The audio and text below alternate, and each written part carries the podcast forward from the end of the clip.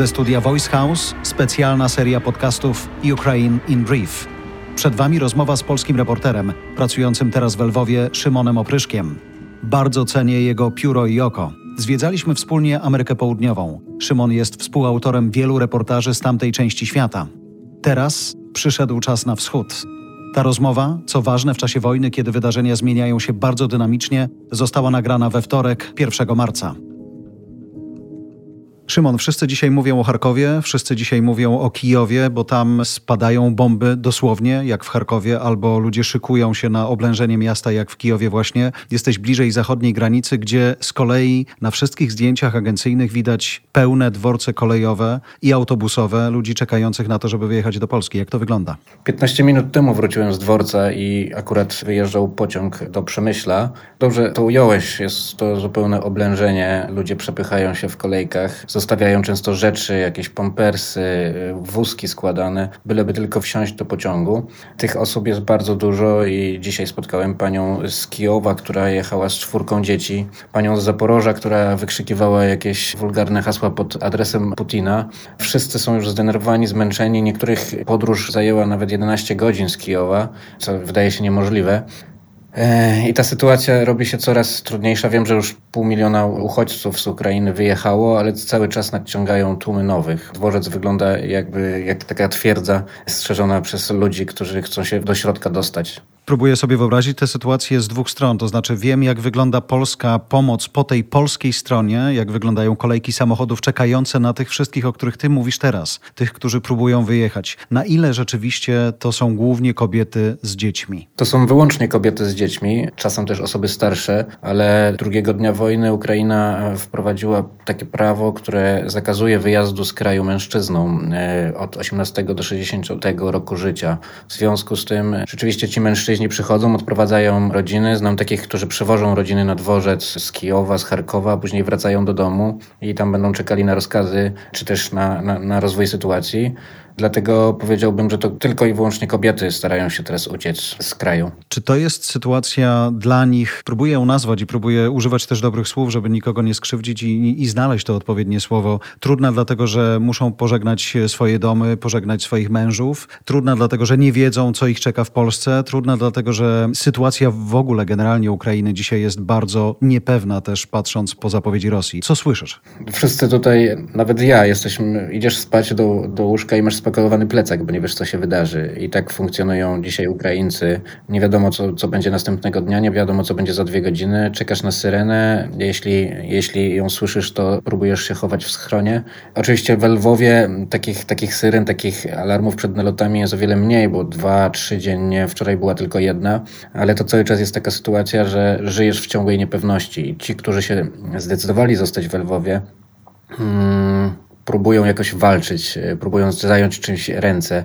I mam tysiące historii osób z różnych jakby dziedzin, które w jakiś sposób próbują jakoś zająć ten czas, bo ta niepewność nie sprzyja, ten czas się rozciąga, samo myślenie o wojnie zajmuje właściwie całość dnia.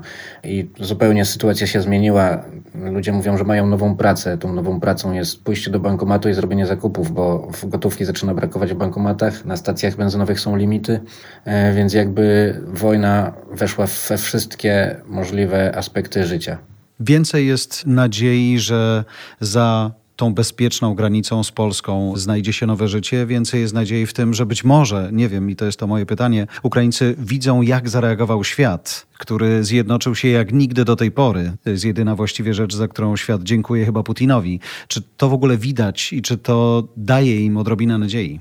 To widać i te pięć dni to jest taki roller coaster, bo pierwszego dnia, gdy dotarłem na dworzec, pierwszego dnia wieczorem, ludzie mówili: Dziękujemy Wam za te piękne gesty, dziękujemy, że oznaczacie nasze flagi na Facebooku, ale to nie jest to, czego potrzebujemy. Potrzebujemy wsparcia świata, potrzebujemy amunicji, potrzebujemy nowych wojsk. I po pięciu dniach dzisiaj rozmawiając z ludźmi, widzę, że oni czują to wsparcie i to tylko ich motywuje do walki. Też zmienił się sposób patrzenia na Polskę i Polska bardzo dużo zyskała w oczach Ukraińców. Cały czas dostaję podziękowania i każą mi ludzie przekazywać Polakom, jak bardzo są wdzięczni, jak im pomogliśmy jako naród i, i, i to, to, to jest takie bardzo krzepiące. Ten moment, który opisujesz, czyli zatłoczone dworce kolejowe, dworce autobusowe, kobiet z dziećmi, które próbują uciec z kraju, który jest w stanie wojny, a jednocześnie jest mnóstwo zdjęć pokazujących młode Ukrainki z bronią, które wychodzą na ulicę i dołączają do mężczyzn, żeby bronić swojego kraju. Widać mnóstwo Ukraińców w przeróżnych sytuacjach, czasami teoretycznie bardzo komicznych. Myślę o, nie wiem, mężczyźnie przenoszącym bombę czy, czy, czy minę właściwie z papierosem w buzi, pokazujących, że tak naprawdę oni się nie boją. Na ile dzisiaj czujesz, że ten moment takiego silnego morale to jest jednak moment krytyczny, że jeżeli nie będzie więcej broni, jeżeli nie będzie więcej wsparcia, jeżeli te naloty rosyjskie, które są czy w Charkowie, czy wokół Kijowa, czy jak słyszę także wokół miasta, w którym ty jesteś, będą coraz silniejsze, że tutaj może pojawić się sytuacja kryzysowa. Przyznam, że, y, że to motywacja Ukraińców i też ta solidarność, która jest w narodzie, wydają się bardzo silne. Oni są niezwykle zmotywowani, mają wspólnego wroga i jakby nie ma podziałów to, co jest piękne, to jakby ludzie się zupełnie łączą swoje siły i byłem na przykład w akademikach, gdzie robi się koktajle Mołotowa, gdzie szyje się siatki kamuflujące dla armii. Niebawem wybieram się do osoby, która zaczęła robić kamizelki kuloodporne, bo brakuje ich na rynku. Nie wiem, studenci szyją opaski na ręce dla wojsk terytorialnych, budują wszyscy wspólnie barykady. No tego jest tak bardzo dużo i, i wszyscy podkreślają, że to wspólne działanie tylko ich napędza i że ta jedność, która jest w narodzie, Rosjanie nie będą sobie w stanie z nią poradzić, bo wiadomo, jak wygląda sytuacja po stronie rosyjskiej. To wręcz y, jest sytuacja jak z memów, i, i to też oczywiście ten śmiech przez łzy też tutaj jest. Ludzie, jak mają momenty zwątpienia, to odpalają sobie właśnie takie memy, czy też filmiki z panem, który traktorem wywozi y, czołg, i od razu czuć, że, że jakby ta trudna sytuacja, która jest dookoła, jakoś została przebita, ten balon, i od razu widać, że, że wracają do sił, że to daje im nadzieję. Wiem, że to jest trudne pytanie, ale rozmawiasz z tymi ludźmi na co dzień, obserwujesz ich. Na ile tej siły starczy? Trudno powiedzieć. No, zakładając, że, że rzeczywiście świat zachowa się tak, jak się obiecuje zachować, mam tu na myśli polityków, sankcje i, i wszystko to, co się do tej pory wydarzyło, to myślę, że tej siły starczy na długo, bo o ile, nie wiem, w przypadku Odessy, czy w przypadku wcześniejszych jakby konfliktów z Rosją, Ukraina nigdy nie była tak, mm, tak zjednoczona. Wydaje mi się, że to, to wszyscy podkreślają, że oni będą walczyć do końca, że nie oddadzą Kijowa, nie, nie oddadzą Ukrainy, bo to jest ich kraj i, i będą walczyć cały czas.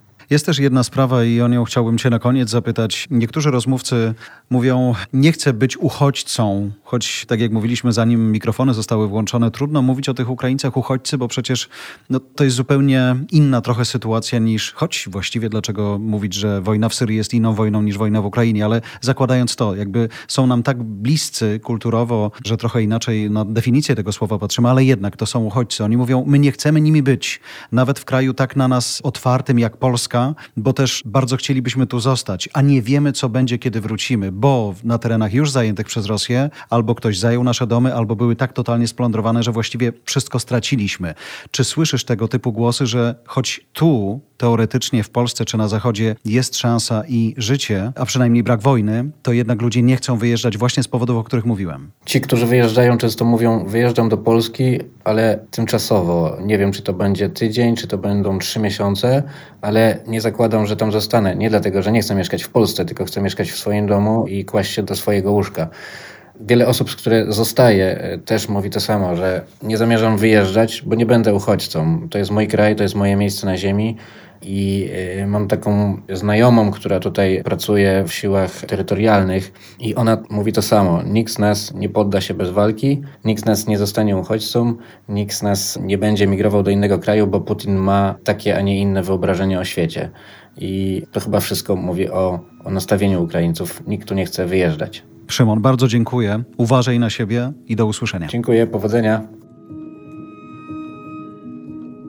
To było Ukraine in Brief od Voice House.